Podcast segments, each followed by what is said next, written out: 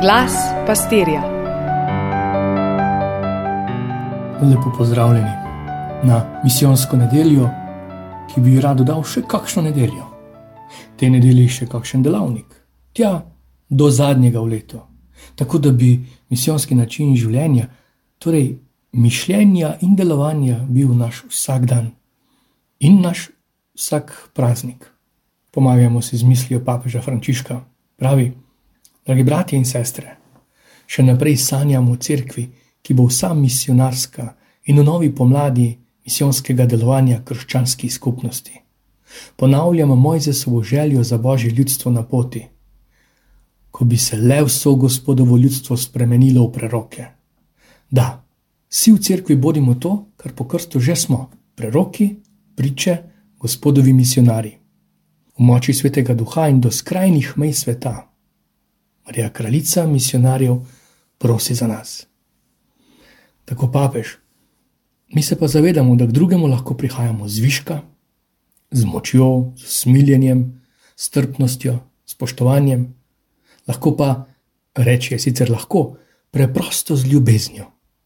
Velike izbire nam Gospod ravno ni dal. Če se nam zdijo besede skriža še posebej svete, pa slehrni njegovi brez težav rečemo Božja beseda. Kako močno morajo potem med nami odmevati poveličane besede, torej besede ustalega, odrešenega.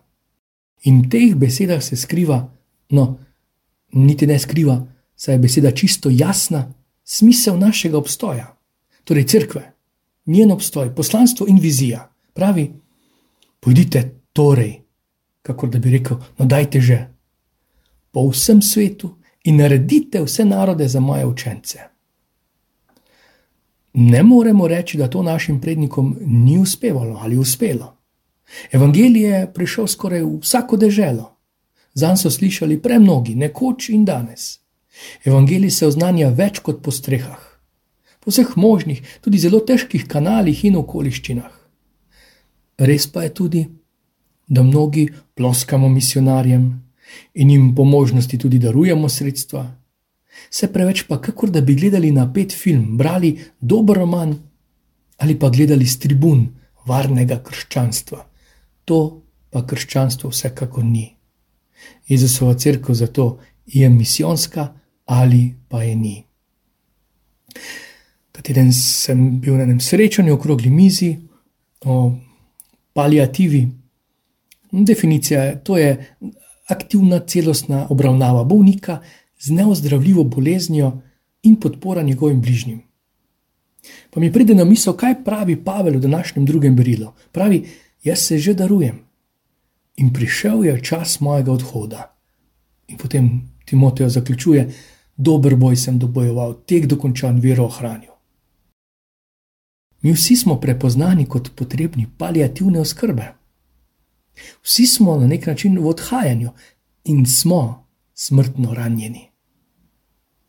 Evangelij potem nam postreže s tema podobama, vzorcema, dveh, ki prihajata k Gospodu, en ponižno, drugi zviška. In ni potrebno, da sem kot neumneš, ta neumneš v Evangeliju. Ravno misijonska nedelja me uči tega sopotovanja ne te vzvišene eh, drže, navideznega razdajanja. Eh, misionar je tisti, ki poživlja, tisti, ki lahko tudi reanimira, v tem posveti prenese upanje, smisel. Lahko v daljnih deželah ali doma, tu v naših krščanskih skupnostih, ki so prav tako uboge, mm, shirane, betežne. Pa se spomnimo, vseh misionarjev po svetu in pri nas. Vse dobro.